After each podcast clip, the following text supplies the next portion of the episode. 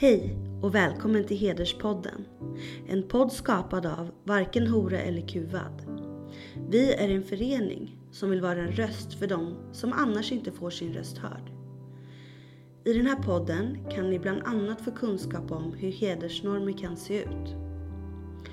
Vill ni veta mer om hederskultur så tipsar vi om att beställa vår metodbok Respektguiden. Den handlar om hedersnormer och vilka rättigheter de som är hedersutsatta har. Ni kan också läsa Varken Hora eller Kuvads rapporter 11 och 1200 som kartlägger hedersförtryck i socioekonomiskt utsatta områden i Stockholm och Göteborg. Vi har också en tidning, Förortsfeministen, där vi skriver om hedersnormer och mycket annat. För att ta del av det jag precis nämnt så kan ni besöka våra sociala medier eller vår hemsida www.vhek.se. E. Där kan ni även hitta tidigare avsnitt av Hederspodden. Tack för att ni lyssnar och för att ni stöttar vårt arbete. Hej och varmt välkomna till nästa avsnitt i Hederspodden. Eh, jag, är Amine Kakabave, eh, som har ett samtal med vår eh, kära gäst Sohaila Fors, som gästar idag vår hederspodd. Varmt välkommen kära Sohaila. Tack så mycket. Till hederspodden och vi är glada att du kunde ställa upp och eh, vi vet eh, om att eh, du eh, har skrivit böcker, du kämpar för eh, kvinnors rättigheter och mot hedersförtrycket.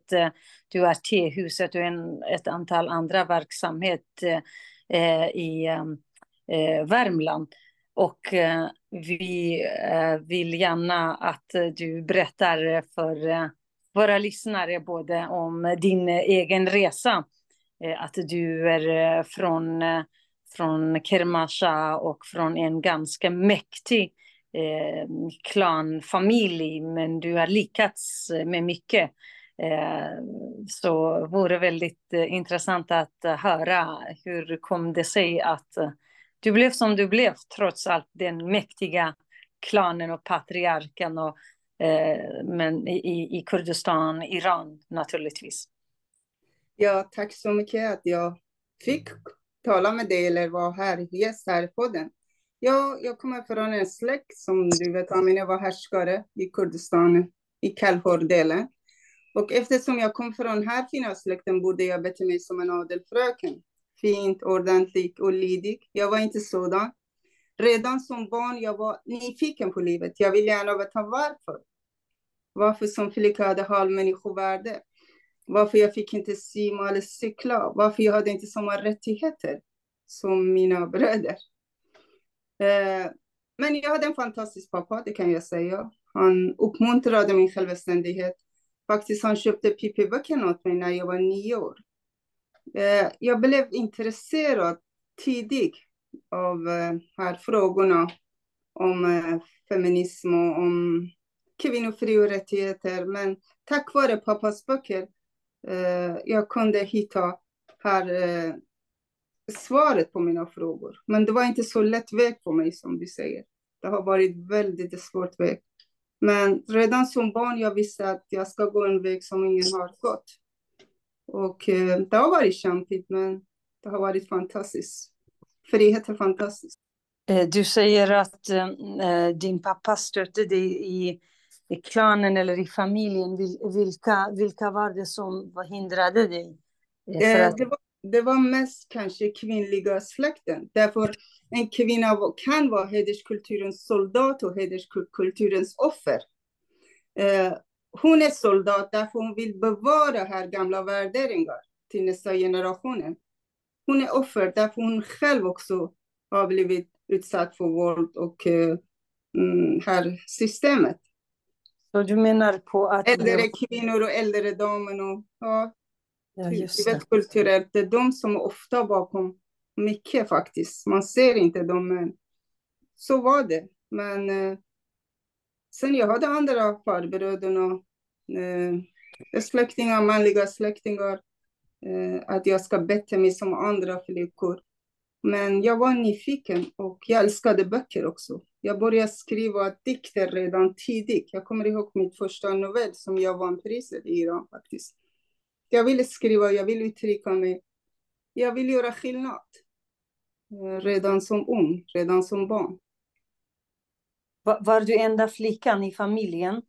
Nej, jag hade en äldre syster och en yngre syster. Min äldre syster och min faster också har påverkat mig. Eh, de var engagerade sig i politiker och eh, de var vänsteraktivister båda två. Så kvinnorna i familjen var politiskt engagerade och... Eh, och ja, var... i hemlighet ofta. Därför. Och pappa själv också, han var ett kämpe. Han var liberal, men han satt i fängelse. Först i Shah-tiden, sen när Khomeini kom till makt, också han satt i fängelse hur var livet för dina systrar? Även om de var politiskt aktiva, kunde de frigöra sig eller, eller var det tabubelagt att, um, förutom regimen, också förtrycket, men också, också i strukturen där kvinnor inte ska engagera sig och så vidare. Hur var det? Min äldsta syster kunde bryta loss och gifte sig med en som var som hon själv, fast han satt till länge i fängelse. Men yngsta syster, hon blev bortgift när hon var, när hon var väldigt ung med äldre män och släktingar. Men jag och min syster kunde välja själva. Tack vare kanske pappa, tror jag. Men det, det gick inte att hjälpa yngre systern att, att bryta lös eller, eller också befria sig? Nej, tyvärr inte. Eh, då jag var själv väldigt ung och jag hade mycket problem med min första man. Och eh, jag blev jättekär i honom. Han lovade mig mycket, men tyvärr han inte den person som jag trodde. Och jag blev misshandlad också av honom. Men det är en lång historia. Jag tror det är inte viktigt vad har vi varit med. Det är viktigt vad gör vi av det. Ja, att man, har... precis. Du har brutit mot en mäktig familj, alltså en, en, en, ett äktenskap där det har förekommit våld och eh, fruktansvärt förtryck. Eh, men, men du har liksom ändå kunnat komma till Sverige eh, och så, och så har du hjälper andra nu. Hur var det, hur kom du, du kom till Sverige som flykting, när kom du? Jag försökte komma ut 89. Jag hade en bror som studerade i Göteborg. Han sa till mig att det är bättre att komma ut. Därför du vet, jag tillhör det här Chirikvada i organisationen. Och då, jag kunde inte lyckas, jag kunde inte komma in. Och då min bror sa bättre att min man, min första man kom. Han kom före mig, sen fyra år efter honom, jag kom till Sverige. Och första åren i Sverige var helvetet för mig. Eh, därför jag visste ingenting om svensk kultur. Jag kunde inte språket. Jag hade problem med min man. Jag önskade jag hade någon att kunde tala med. Eh, allt var annorlunda. Kulturen, språket, vädret. Allting var annorlunda. Och eh, det här jag brukar säga när vi flyttar hit. Vi, vi har en mental bagage med oss av världsbild, av samhällssyn, av familjens roll. Allting är annorlunda. Vi lämnar inte här bagaget utanför gränser. Och när vi kommer in i Sverige, ofta vi vill placera någon förort någonstans.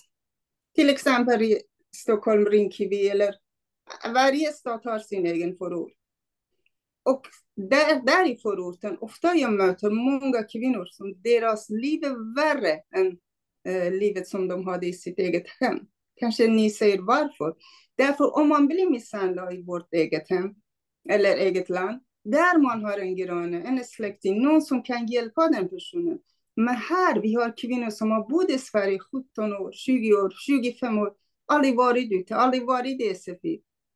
Och det här genom mina böcker försöker jag berätta hur många de osynliga kvinnorna har. Vi ser dem samtidigt, vi ser inte dem. Så du menar på att även än idag eh, är som, som den tiden du kom till Sverige, Eh, och eh, det är svårt för många att bryta lös och hitta kvinnojourer. Och även om man har kvinnojourer att förstå en och så. Eller, eller förstår jag rätt dig nu? Ja, ja, ja. Jag menar, där man kan inte språket. Hur man kan kvinno, förstå kvinnojourer och svenska lagar. Hur man ska lära sig svenska lagar och svenska värderingar när bor, man bor inte i ett svenskt område. Hur man ska hitta svenska vänner när man inte möter svenska överhuvudtaget. Hur man ska lära sig svenska lagar när man inte kan språket. Deras man ofta får jobb eller eh, jag säger inte alla, det är många i alla fall. Eh, de har frihet, de kan gå ut, men kvinnorna ska vara alltid hemma.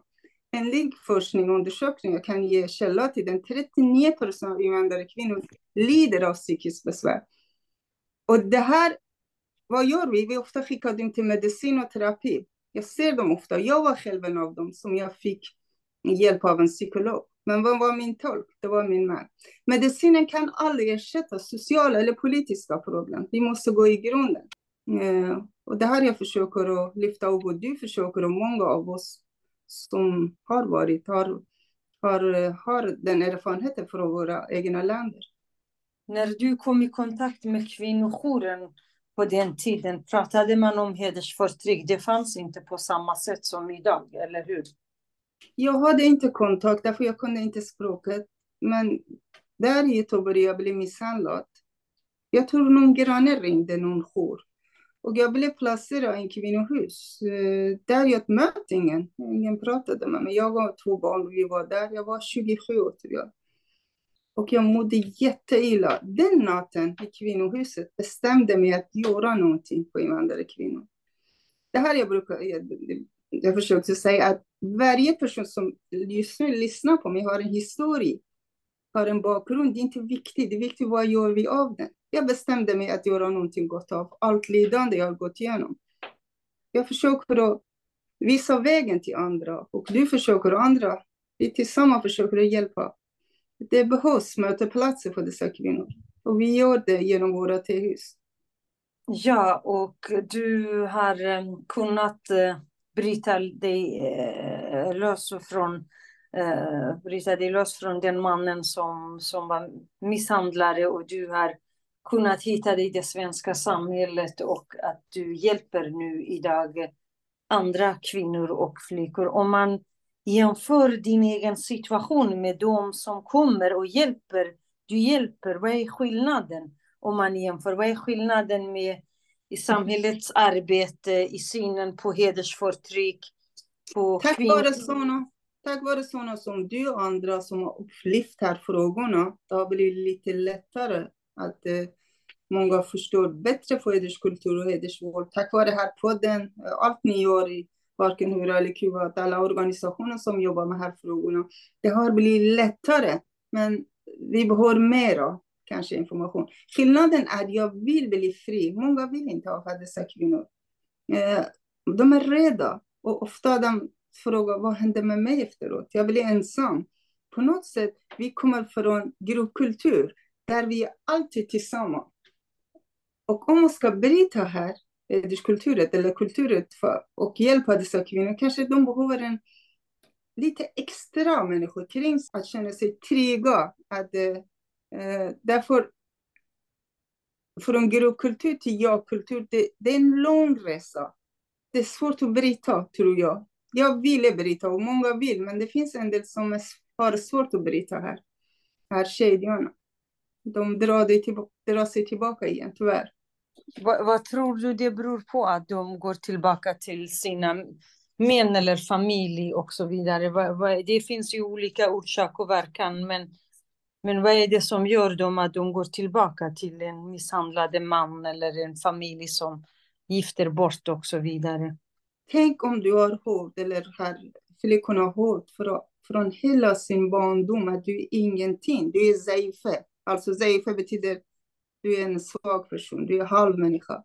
Det är svårt, de har blivit nästan programmerade i hjärnan att du kan ingenting utan din familj, du är ingenting utan din man, du är ingenting utan dina bröder. Och det här tar lite tid. Det är viktigt att man bygger kanske nätverk kring flickorna och kvinnorna. Man ska hjälpa dem att kan bryta här, eh, det struktur och förhållanden som de har.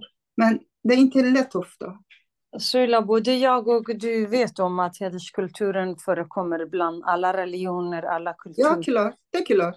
Men, men en sak är, eh, har jag själv av de här erfarenheterna, de som har lite högre utbildning, Det är bättre. eller Ja. utbildningar, de, de, de är mycket, det är mycket lättare för dem att, att både övertala sin familj och att stå på sina egna ben. Eh, Mm. Min erfarenhet och förståelse av det här problemet, det är ju mest som är från, från väldigt, eh, tyvärr, låg utbildning eh, har Ja, det det innebär inte att det är bara de är som Mm. förtryckare, men det är svårare för kvinnorna att, att stå på egna ben och att kunna tro på sig själv.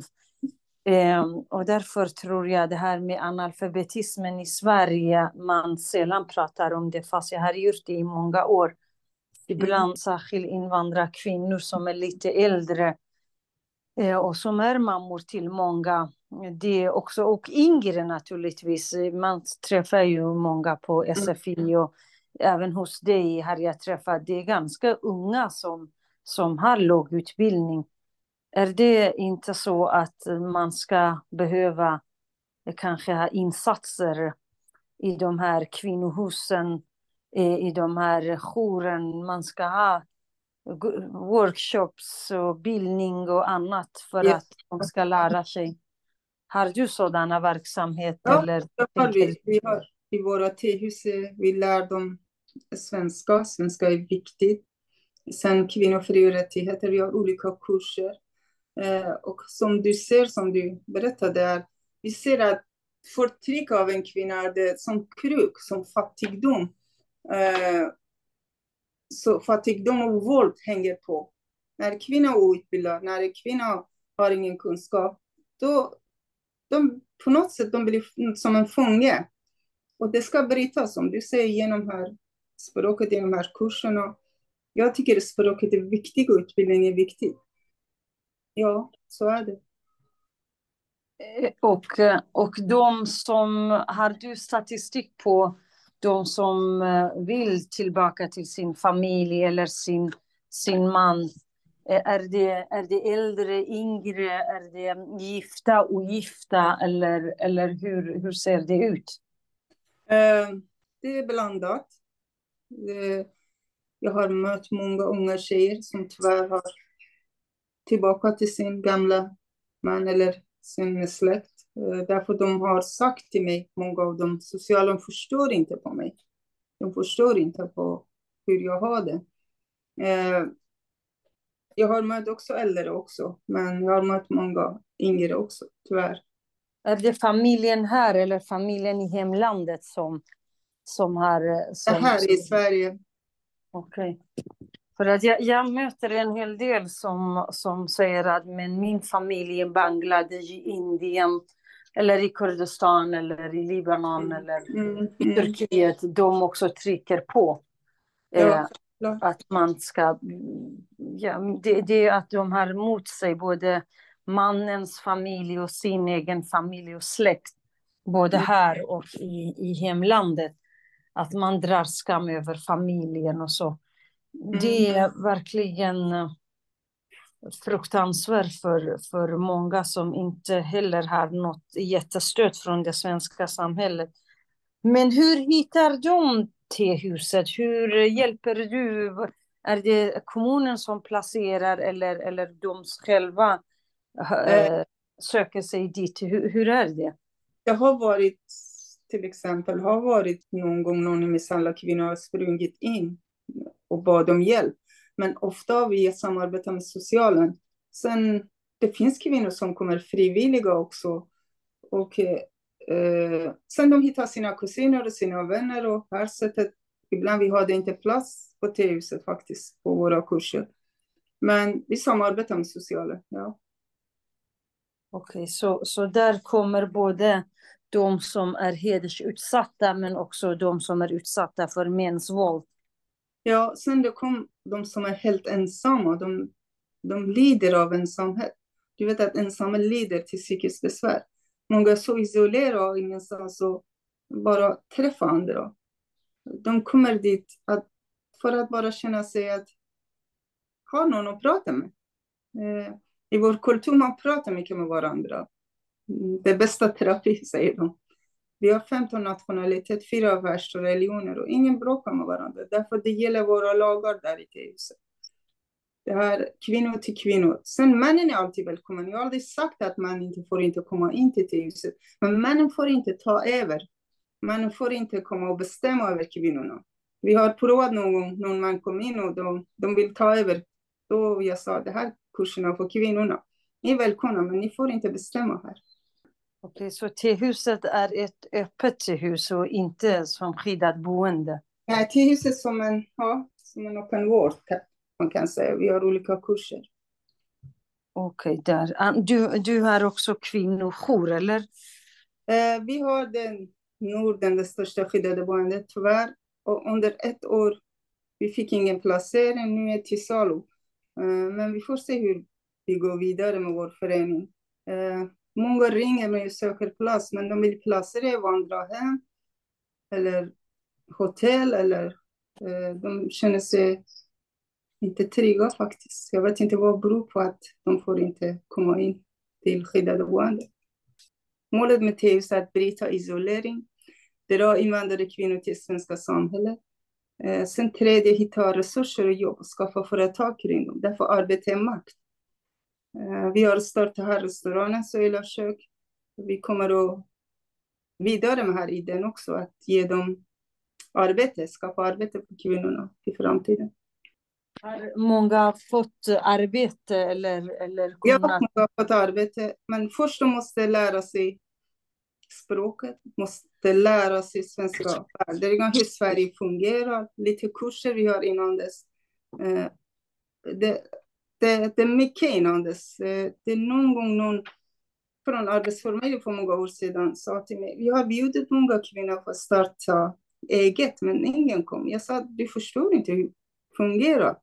De här kvinnorna kommer från gruppkultur och många av dem som du sa nyss, att de är inte utbildade, de kan inte språket. Man måste börja med språket, man måste börja med hur, hur fungerar Sverige? Sen måste de lära sig hur man jobbar eller massor, till och med hur, hur en bankkort fungerar. Många förstår inte på bankkort. Eh, många förstår inte hur svenska lagar fungerar här svenska värderingar. Vi har så många sådana olika kurser. Du menar bankkort, att folk vet inte hur man öppnar ett bankkort? Eller de tror bara pengarna kommer in. Vi har sådana ekonomikurser. Vi har haft i T-huset hur, hur man ska planera sin ekonomi. Man trodde bara stoppa in pengar och kommer ut bara pengar. Och det funkar inte. Det är mycket sådana faktiskt vi haft. Det, det, det, var så förr i tiden. Man trodde att eh, eftersom i många länder har utvecklats, till exempel Iran är ju ett, ett sådant land där förut fanns inte, men nu är det lika elektroniskt som Sverige. Mm. Mm. Men, men det är många som har kommit eh, som inte hängt med, varken Nej. utvecklingen där eller utvecklingen här tyvärr. Oftast är det också mannen som, som är som liksom precis har, har bankkortet. Men, men känns det som om i kommunerna där eh, du verkar, man, man, man jobbar med hedersfrågorna, det, det finns eh, kunskaper och man är medveten om, om de frågorna när, när kvinnor och barn är uts, utsätts för. Eh, jag hade en flicka som hon blev misshandlad av sin bror. Jag vill inte gå till detaljen, men hon sa jag har varit husläkare eller någon syster tog henne till läkare. Läkare förstod inte på hederskultur, eh, hedersvård. Jag tycker det borde man ha sådana kurser också för personalen inom vård. Vårdpersonalen borde utbilda sig om klankultur och hederskultur. Eller vi anställde en socionom för några år sedan. Hon sa i universitet de hade inte om hederskultur.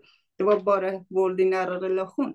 Men våld i nära relation skiljer sig från hederskultur. Våld i nära relation, det handlar om två personer kanske vill hämnas på andra. Medan hederskultur, det handlar om grupp mot en. Och målet är eh, ta bort här fläcken. eller eh, kanske en person har kniven bakom den här personen finns ett beslut av 20-30 personer.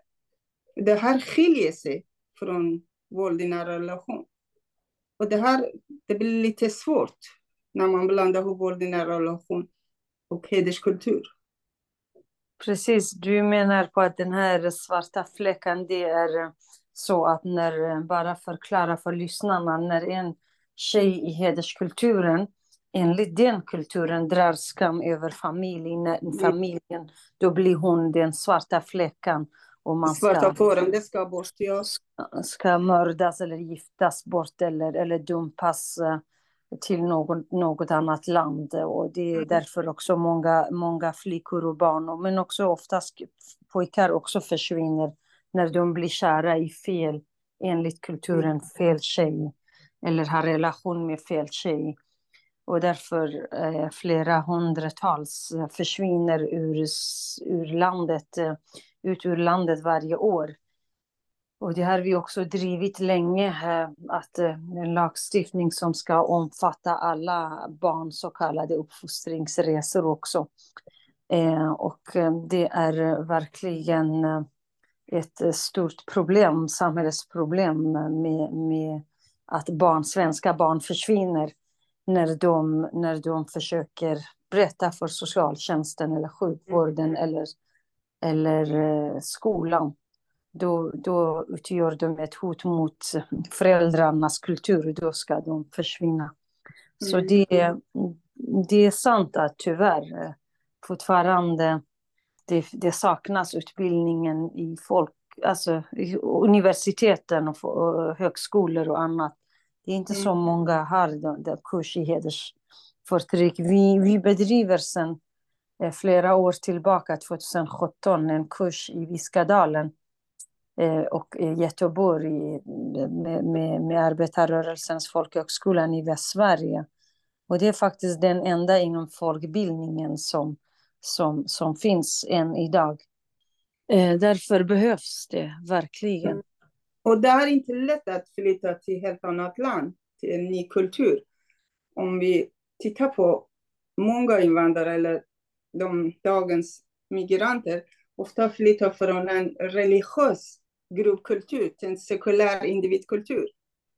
Det är en resa som inte man ska mäta den med kilometer, men i världar. Våra världar är annorlunda.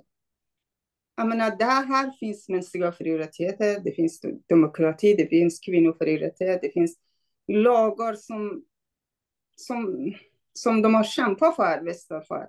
Helt plötsligt vi kommer med från religiös gruppkultur det är svårt ofta för kvinnorna. Därför allt de har lärt sig från barndom, allt som är orent, allt som är smutsigt, alltså, vi har lärt oss i skolor, finns här i fritt.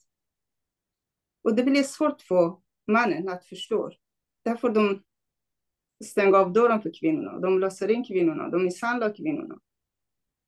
Och det här är ett stort problem tycker jag, som jag möter ofta. Som någon sa till mig i, i mitt hemland, jag pekade med finger, tusen personer gick till krig, han var en general. Här pekar min, min fru med finger och jag måste gå ut med soporna. Rollerna här ändrar sig.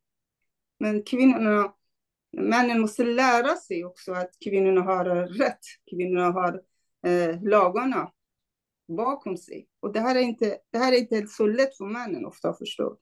Jag säger inte alla män det är en del, stor del. Ja, det är sant, men tyvärr, det är ju så, oavsett vilken religion det gäller så, så är, det, är det en förtryckande grupp.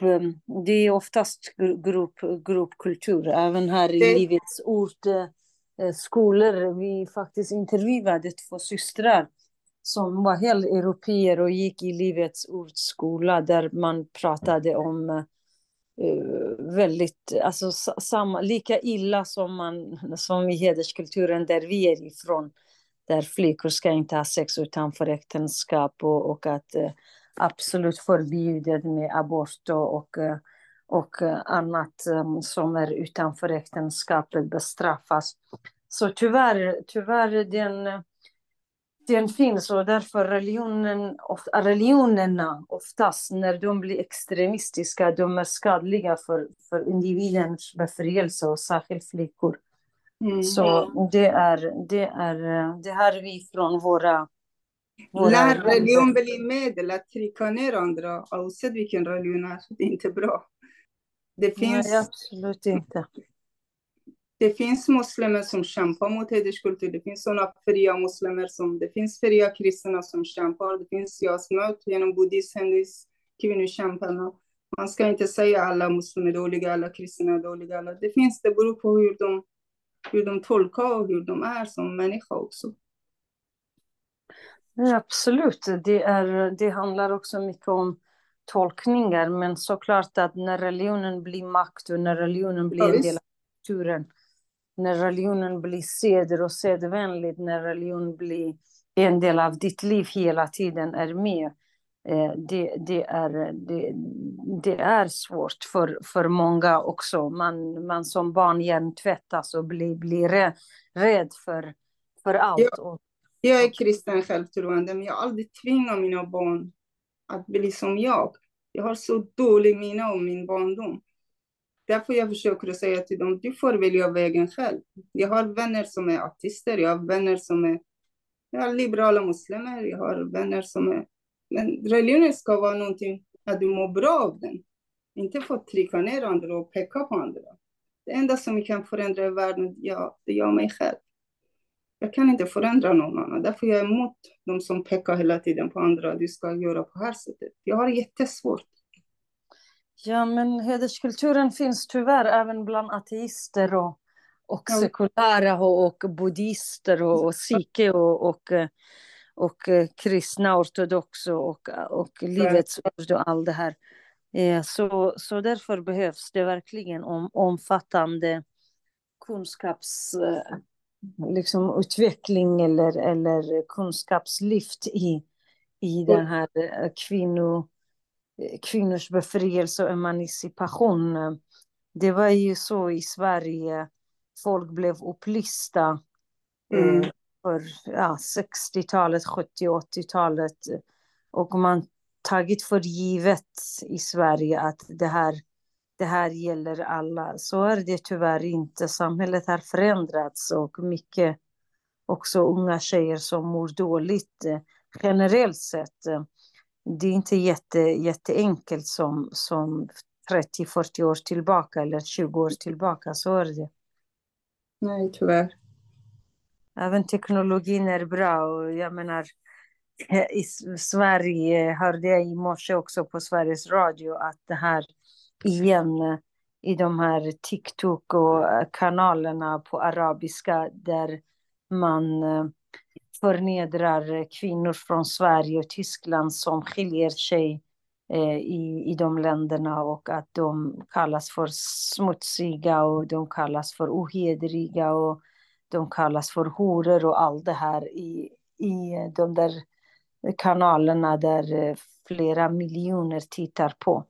Oj, Så det, vi har också skrivit om detta och vi vill gärna och kräver av regeringen att de, de ska faktiskt kriminalisera det här nät, nätförföljelse och hat mot eh, kvinnor eh, i hederskulturen också, inte bara, mm. bara när det gäller generellt, utan i all, jag, har, jag har själv levt under hat och hot många år. Jag vet hur känns det. Jag har blivit anklagad för allt möjligt. Att jag öppnar horskolan, att jag horar, att jag får pengar av regeringen, att Ehm, men jag har, jag har försökt att tänka varför jag gör här. Jag gör inte för min skull. Bakom mig, bakom dig Amine, bakom som ni lyssnar finns miljoner kvinnor som behöver vår röst. Oavsett färg, oavsett religion, oavsett nationalitet. Vi måste hjälpa dem. Jag gör bara för andras skull. Därför jag var själv en av dem. Jag ser mig själv i varje kvinna som jag hjälper. Jag var med två barn som i 93, jag sov under en bro i Hedemora i Dalarna. Jag glömmer aldrig den natten. Jag visste ingenting om kvinnojouren. Jag visste ingenting det fanns någon kvinnohus i Sverige. Det var minus 20 grader. Hur många sådana kvinnor finns? Men du menar på att när du flydde från din man? Du... Ja, ja. Ja. Och jag hade ingenstans att vända mig. Och jag tror det finns många. Uh, nyligen, som jag läste nyligen. Men du sa kanske halv miljon. Jag tror de säger 250 000 kvinnor som lever under hedersförtryck. Det finns naturligtvis hundratusentals, både vuxna och unga vuxna och unga, både pojkar och flickor, särskilt flickor som är utsatta. Men hur, eh, hur, hur, jobbar, jobbar ni till huset bara med utbildningar eh, om någon skulle behöva skydd? Eh, då, då finns det skyddat boende med hedersförtryck som som kunskapsbaserat på det i, i de kommuner där, där, där ni har eh, verksamheten som ni kan hänvisa till dem. För att eh, här i Stockholm har vi Origo till exempel som, som är eh, Stockholms stad som kommun har, har hand om. Och har man heders, är man utsatt för hedersförtryck då placeras man där till exempel om man är ung under 18 år? Eh, för vår del i vår förening, vi hade förut vår skyddade boende, vi har lagt ner det. Men varje TV som vi gör i varje kommun, de har kopplingar till kvinnojourerna i varje kommun. Men ofta kvinnorna ringer mig och ber om hjälp själva. De vågar inte tala med socialen. Jag säger, du måste gå igenom polisen och socialen, annars det går inte. Nej, jag vågar inte anmäla. Nej, jag vågar inte polisanmäla. Det tar lång tid innan de vågar att göra någonting. Eh, sen, jag har lite kontakt, vi har lite kontakt utomlands också. Eh, vi har en fond som hjälper i Afghanistan, i Kabul, vi har hjälpt i Iran, i Kurdistan, i Turkiet. Vi har lite kontakt. Menar kvinnor som, som flyttas dit eller fastnar där eller? Eh, ofta när de flickorna, sådana här semesterresorna här, uppfostringsresor, kallar vi dem. När de åker ner, de kommer inte tillbaka, de vill ha med sitt pass. Och på det här sättet vi har hjälpt många tjejer, många sommar faktiskt.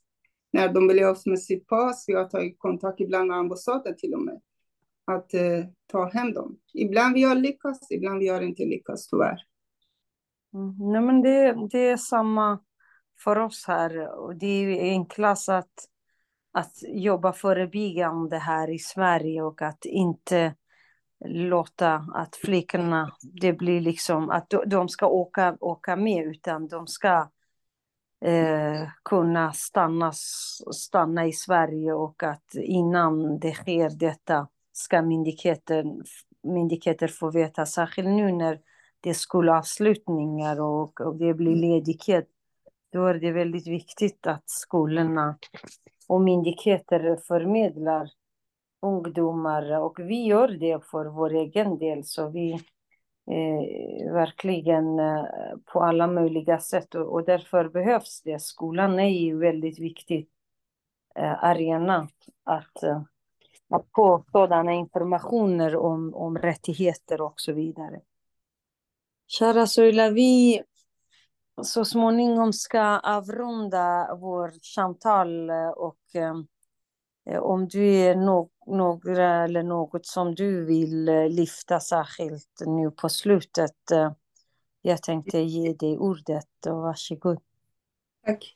Jag tänker bara säga ibland vi alla tänker med krig och mörkret i världen, att mörkret är så stort.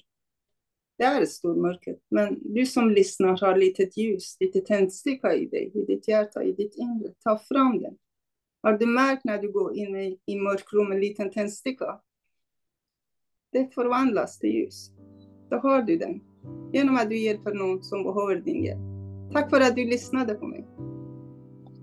Tack så hemskt mycket för att eh, du eh, gav din tid till Hederspodden, eh, kära Söjla. Och...